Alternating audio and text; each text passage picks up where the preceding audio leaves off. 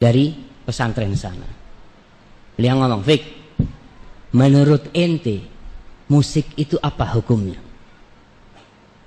Ana ngomong, ada dua pendapat. Yang satu mengatakan haram dan satu menyatakan halal. Dan Ana milih yang halal.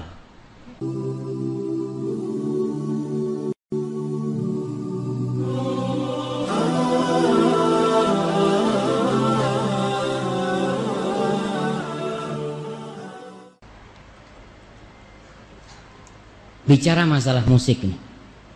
Apa tidak termasuk berlebih-lebihan orang yang mengharamkan musik? Kok bisa sesuatu yang nyaman, yang menghantarkan tidur kita, membuat hati ini menjadi oh menghayal tuh. Kok bisa haram Ustaz? Kita aja dengar suara-suara burung itu halal gitu. Suara-suara yang indah. Kok ada orang yang ngomong musik itu haram? Dari mana Ustaz? Kemudian apa masalah ini bukan masalah khilafiyah Ustaz? Kalau memang ada ulama yang mengatakan haram, mungkin ada yang mengatakan halal juga.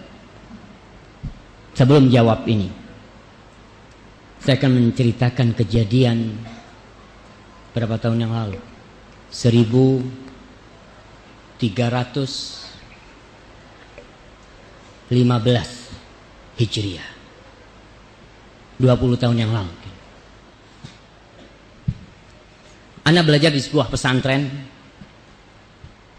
Pesantren itu namanya nggak apa-apa Anda sebutin nama pesantren. Nanti diedit aja kalau memang nggak boleh ya. Pesantrennya pesantren Al-Irsyad Al-Islamiyah di kota Bondowoso. Jauh di ujung timur sana. Sebuah pesantren modern belum kenal sunnah pesantren itu. Tapi guru-gurunya top, hebat-hebat. Lima tahun anak sekolah di pesantren, kita dididik untuk mencintai musik. Dididik untuk mencintai musik. Bahkan kita tiap pekan ada acara uh, apa marawish ya, sambil joget-joget.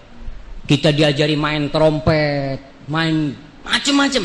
Karena ketika itu buat kita musik itu halal. Bahkan wah, kiai kita di pondok itu jangan ditanya, kelasnya kelas nasional tuh. Hebat. Bahkan nama beliau harum tertulis di buku-buku sejarah. Dan di pesantren kita, kita punya klub drum band paling terkenal. Bahkan pernah main di istana. Klub itu. Kita nggak pernah tahu. Buat kita musikal pas lima tahun di pesantren terjadi keributan keributan itu terjadi, ada ustadz-ustadz yang ngomong musik haram. Akhirnya terjadi dialog antara dua pesantren. Pesantren Al-Irsyad Al-Islamiyah Bondowoso dan pesantren Al-Irsyad Al-Islami Tengaran Salatiga. Dialog terjadi antara dua pesantren yang Bondowoso benar-benar Masya Allah mereka itu kalau musik bukan cuma diajarkan, dicintai. Kita mencintai musik itu. Ketika itu. Yang namanya main trompet, main apa, anak-anak itu pada pinter-pinter semua. Terjadi dialog. Dialog itu seru. Kita kan masih santri ya. Kita nonton tuh. Dari jendela di sebuah perpustakaan. Semua kitabnya pada gede-gede semua. Yang dibawa. Masya Allah, mana nih yang menang gitu kan. Pas sholat isya, imamnya itu baca surat Al-Hujurat.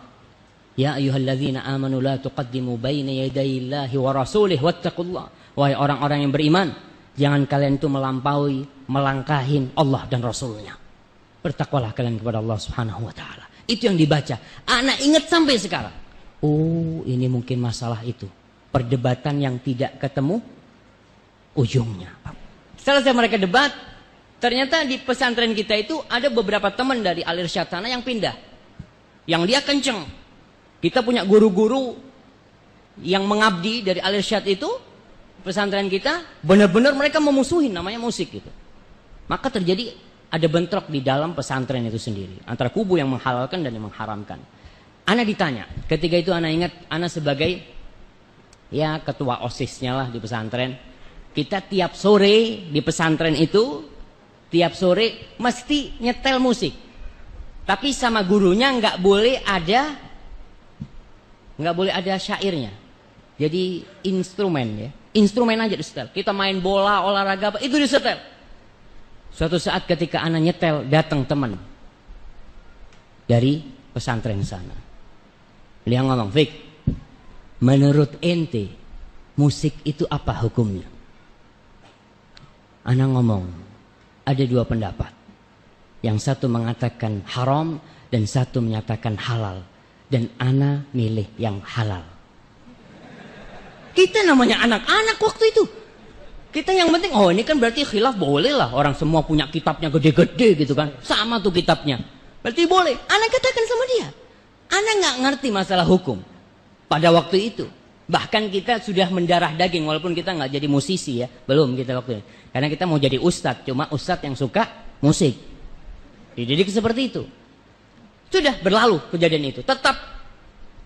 Namun seorang muslim kan dituntut untuk belajar untuk mengkaji apa benar se apa ya, seremeh itu kita boleh memilih. Setiap ada perselisihan kita boleh memilih. Ada khilaf nih di antara para ulama, ente milih yang mana? Ya, anak milih yang enak lah. Apa boleh seperti itu? Atau kita sebagai seorang hamba harus hati-hati. Ternyata tidak semua khilaf. Laisa kullu khilafin mu'tabar illa khilafun fihi hadzun minan nawar. Tidak semua perselisihan itu bisa diterima kecuali khilaf yang memang ada ruang untuk beda pendapat di situ. Apakah musik ini termasuk yang ada ruang untuk khilaf pendapat? Itulah yang kemudian ana mengkajinya. Ana belajar. Karena kita di pesantren, kita dididik untuk bisa baca kitab. Ternyata perselisihan itu tidak bisa diterima. Kenapa? Imam yang empat kita bicara imam yang empat. Siapa yang bisa menyebutkan imam yang empat bersama tanggal matinya?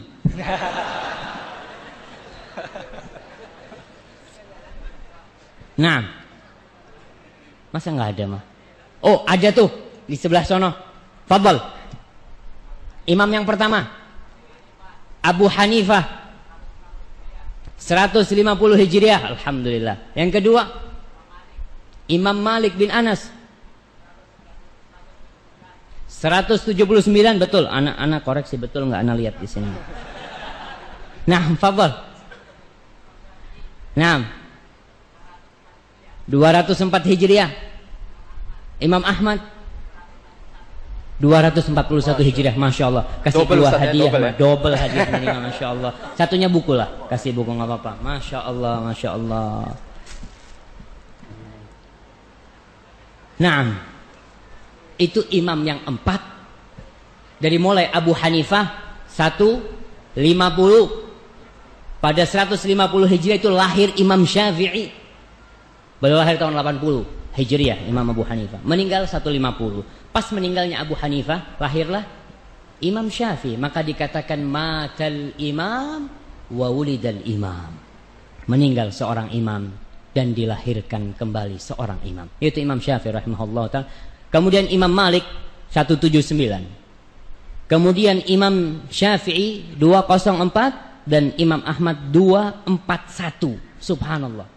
Itu imam yang empat berpendapat haram. Saya ngomong mau milih madhab yang mana anak ini? Kalau empatnya haram, eh ada madhab lain kata dia.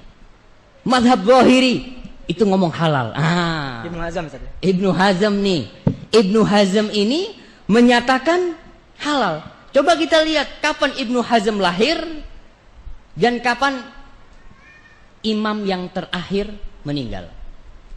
Siapa yang tahu Ibnu Hazm itu lahir kapan? Ada yang tahu? Anak harus nyontek juga cuman. Ibnu Hazm ini beliau dilahirkan tahun 384 Hijriah. Imam yang terakhir meninggal kapan? 241. Jadi 143 tahun ya. Betul. 143 tahun kemudian lahir Ibnu Hazm. Dia meninggal tahun 456. Jadi perbandingan meninggalnya dengan meninggalnya Imam Ahmad 200 tahun kira-kira. Ibnu Hazm ini berpendapat bahwasanya musik itu halal. Anak ngomong kira-kira bisa diterima enggak ya? Kalau anak mau ikut hawa nafsu anak waktu itu, anak akan ikut Ibnu Hazm. Tapi setelah dipikir-pikir, masa imam yang empat nih salah? Kemudian satu imam nih benar. Pendapat dia itu ternyata mendoifkan semua hadis. Dia mengatakan dalam kitabnya Al-Muhalla Ibnu Hazm yang menyebutkan kira-kira 21 hadis tentang musik. Kemudian dia mengatakan kata dia, tunggu nih, mana perkataan Ibnu Hazm? Kullu ma ruwiya fiha batilun maudhu. Semua hadis yang diriwayatkan tentang musik ini adalah batil, nggak benar dan palsu. Kok bisa? Masa imam yang empat nerima hadis palsu sama hadis batil? Anak jadi bingung, kayaknya enggak. Maka kita lihat nih, bagaimana pendapat ulama tentang hadis-hadis yang katanya Ibnu Hazm semuanya batil dan palsu. Ternyata Ibnu Hazm ini seorang alim ulama yang besar, yang senior, tapi dia bukan ahli hadis. Sosok ahli hadis yang lebih dari beliau, Imam Bukhari umpamanya. Imam Bukhari mensahihkan hadisnya. Ibnu Hibban, pengarang kitab Sahih Ibnu Hibban mensahihkan hadisnya. Maka anda ngomong sepertinya harus dikaji lebih dalam lagi. Apakah benar yang katanya Ibnu Hazm itu semua hadis tentang musik itu batil dan palsu. Kalaupun ada yang sahih, ya nggak sorry gitu kan. Nggak nggak ada penyebutan musik itu nggak ada. Maka di sini kita tidak akan merendahkan Ibnu Hazm. Ibnu Hazm adalah sosok ulama senior. Dan ketika kita mengkoreksi pendapat Ibnu Hazm, kita tidak mengkoreksi pendapat itu dengan pendapat kita. Siapa inti gitu loh. Baru jadi ustadz udah berani jelek-jelekan Ibnu Hazm. Lah, ma'adallah kita menjelek-jelekan Ibnu Hazm. Kita berbicara tentang agama nih. Kita membandingkan antara pendapat yang mengatakan halal dan haram. Bukan masalah makruh ini. Antara satu di ujung neraka, yang satu juga di ujung neraka. Yang mengatakan haram berarti dia? Ya sudah yang melakukannya bisa masuk neraka. Yang mengatakan halal kalau ternyata dia menghalalkan yang haram maka dia juga berbahaya urusannya ketika menghalalkan yang haram. Ibnu Hazm adalah ulama senior. Beliau memiliki buku-buku yang banyak sekali. Tapi tetap buat anak Abu Hanifah Imam Malik Imam Syafi'i dan Imam Ahmad bin Hambal beliau lebih agung buat anak. Kita ini orang awam mau ikut siapa? Orang awam kan biasanya taklid kan ya, ikut-ikutan. Kita mau Ustaz, anak ini nggak tahu dalil Ustaz. Cobalah anak kepingin tahu siapa sih yang berpendapat ini? Imam Syafi'i. Alhamdulillah, udah anak ikut Imam Syafi'i. Nggak apa-apa. Karena kita mungkin nggak bisa untuk mengkaji dalil. Tapi dilihat antara imam-imam itu mana yang lebih bertakwa, mana yang lebih berilmu dalam permasalahan yang sedang diperdebatkan itu. Jangan dulu. Oh. Semua ulama setelah Ibnu Hazm taklid Ibnu Hazm. Semua ulama. Ulama mutaakhirin yang ada sekarang dari ulama-ulama Azhar ya. Mereka itu hanya menyambung perkataannya Ibnu Hazm, menguatkan perkataannya Ibnu Hazm. Karena imam sampai disebutkan imam yang menghalalkan musik itu Ibnu Hazm. Jadi semuanya itu jadi akarnya Ibnu Hazm. Enggak ada. Yusuf Qadarwi. Gimana? Yusuf Qadarwi juga Ya, umpamanya Syekh Yusuf Qardawi, Abu Zahra, ulama Mesir, kemudian Muhammad Al-Ghazali, ulama Mesir, yang di buku-buku mereka, mereka menyebutkan bahwasanya musik itu halal selama tidak membuat orang itu lalai gitu ya. Itu halal. Siapa imam mereka? Ibnu Hazm. Jadi pokoknya ini di Ibnu Hazm. Kalau kita bisa mengkaji pendapatnya Ibnu Hazm, selesai semuanya. Selesai semuanya. Karena ada di pokoknya ini. Bagaimana pendapat Ibnu Hazm itu? Dia mengatakan itu tadi. Semua Syekh Albani mengatakan hadis doif kalau semuanya doif, kalau banyak itu bisa jadi hasan. Hadisnya banyak sekali, nggak ada tuh batil. Maka kita lihat bagaimana ya pendapat-pendapat ulama hadis tentang hadis-hadis musik itu. Ustaz mau tanya hukumnya mendengarkan musik, memainkan alat musik. Hukumnya musik bagi anak-anak karena di sekolah ada pelajaran tertentu yang diiringi musik. Contohnya senam. Jazakallah khair. Ya, saya berharap begini ya, ke depannya pun kalau misalnya Bapak Ibu lagi bertanya dengan saya, tolong diikutin sampai selesai tuntas penjelasan, kemudian direnungin. Saya nggak minta spontanitas langsung diambil, gitu kan? Anda boleh renungin, kemudian Anda lihat nanti, ya Insya Allah minta petunjuk sama Allah supaya dikasih petunjuk yang benar. Saya termasuk yang sering mengingatkan kepada kaum muslimin, terutama jemaah pengajian saya untuk menjauhi musik. Mohon maaf Bapak Ibu sekalian, karena begini, ada alasan Bapak Ibu tahu kalau Anda mau anak Anda hafal Quran, yang paling pertama Anda praktekin kalau mau hafal Quran dan cepat ya, jangan dengarkan musik dan jangan interaksikan dengan lawan jenisnya kecuali apalagi kalau dia sudah balik nggak boleh. Itu spontan, hafalannya bisa sulit sekali. Kalau dia sudah mulai dengar musik dengan mau hafal Quran sulit bersatu. Atau dia berinteraksi dengan lawan jenisnya. Kalau kita bahasakan biasa pacaran, maka itu pasti spontan. Ayat Quran mustahil bisa bekas sama dia. Kalau anda masukkan anak anda di tempat-tempat tahfidz Quran yang benar pasti begitu ajarannya. Kalau dari sisi pandangan agama, Abu Bakar radhiyallahu anhu pernah mengistilahkan musik dan alatnya itu dengan mazamirus syaitan. Apa itu? Anak-anak panahnya syaitan yang bisa menusuk hati manusia. Abdullah bin Mas'ud radhiyallahu anhu sahabat Nabi berkata, pada saat menjelaskan ayat Al-Quran yang berbunyi A'udzubillahi minasyaitonirrajim wa minan nasi may yashri lahwal hadits yudilla an sabilillah ada sebagian orang yang mempermainkan kata-kata untuk menyesatkan manusia dari jalan Allah. Kata Abdullah bin Mas'ud sahabat Nabi ini, demi Allah itu adalah musik. Demi Allah itu adalah musik. Beliau mengatakan ini. Jadi cukup banyak statement para ulama berhubungan dengan masalah musik ini. Umumnya mereka lebih cenderung semua mengatakan lebih baik dijauhi. Lebih baik dijauhi. Karena dia sulit bertemu dengan Al-Quran. Dua hal yang kontroversial. Gak bisa. Sulit ketemu. Al-Quran atau musik susah kalau orang sudah biasa dengar musik mustahil dia biasa mendengarkan Al-Quran itu agak sulit untuk menyatukannya gitu kan maka saya selalu sarankan untuk dijauhi Allah alam. Saya contoh Bapak Ibu sekalian saya coba praktekin di anak-anak saya ya. Saya bilang sama istri saya coba kita mulai anak-anak ini. Dengarkan Al-Quran. Kalau kita dulu punya pelanggaran-pelanggaran agama kita pribadi kita dulu biasa pernah hafal-hafal lagu coba jangan dipraktekin ke anak-anak. Coba dialihkan. Biarkan dia sudah mengenal Al-Quran sebagaimana kita kenal di umur 20 tahun, 25 tahun, 30 tahun, 40 tahun biarin mereka kenal Al-Quran dari umur 3 tahun, 5 tahun, 10 tahun itu lebih baik. Lebih baik daripada dia mereka mendengar lagu-lagu yang akhirnya bisa merusak mereka. Ya umumnya kalau sedih ya sedih kalau senang yang senang Al-Quran lebih baik. Mereka dapat setiap minimal sekali Bapak Ibu sekalian kalau kita dengar Al-Quran satu hurufnya satu pahala. Dengar musik minimal nggak ada pahalanya gitu kan karena memang ini adalah ayat Al-Quran dijanjikan ini tidak ada janjinya. Itu minimal. Belum kalau kita bicara hukum-hukum syari yang lainnya. Allah alam. Coba direnungin Bapak Ibu sekalian. Kalau di madrasah, di sekolah, Anda punya sekolah Islam, coba terapin.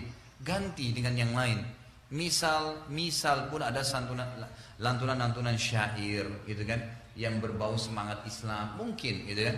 Tapi kalau dipakaikan dengan alat-alat musik, Allah alam, saya sarankan pribadi ya, untuk dijauhi. Allah alam itu jauh lebih aman insya Allah. Dan ulama mengatakan ada alat musik yang dibolehkan. Itu seperti Syekh Albani rahimahullah mengatakan alat musik yang dibolehkan adalah gendang bagi ibu-ibu di acara perkawinan atau pada saat lebaran. Tapi itu juga dibolehkan bagi muslimah. Sesuai dengan hadis Bukhari ada uh, dua budak wanita sedang memukul gendang di depan Aisyah di hari lebaran Idul Fitri ya Lalu Nabi SAW masuk ke rumahnya bersama dengan Abu Bakar di hari lebaran itu. Lalu Abu Bakar mengatakan, apakah ada anak panah syaitan di rumah Nabi SAW? Kata Nabi SAW, biarkanlah wahai Abu Bakar untuk mereka, kaum wanita ini. Mereka melakukannya di hari raya ini. Agar orang Yahudi kita, agar orang Yahudi tahu kita juga memiliki hari raya. Juga di acara perkawinan, itu kan dibolehkan memukul gendang bagi kaum wanita di antara mereka. Ini Allah alam yang saya tahu dibolehkan. Bapak Ibu bisa beli buku yang bertanya tadi lebih lengkap dengan buku apakah musik itu haram. Ada buku khusus panjang lebar, buku Syekh Albani itu panjang lebar menjelaskan masalah itu. Tapi mohon maaf saya lupa penerbitnya, kalau tidak salah Darul Haq ya.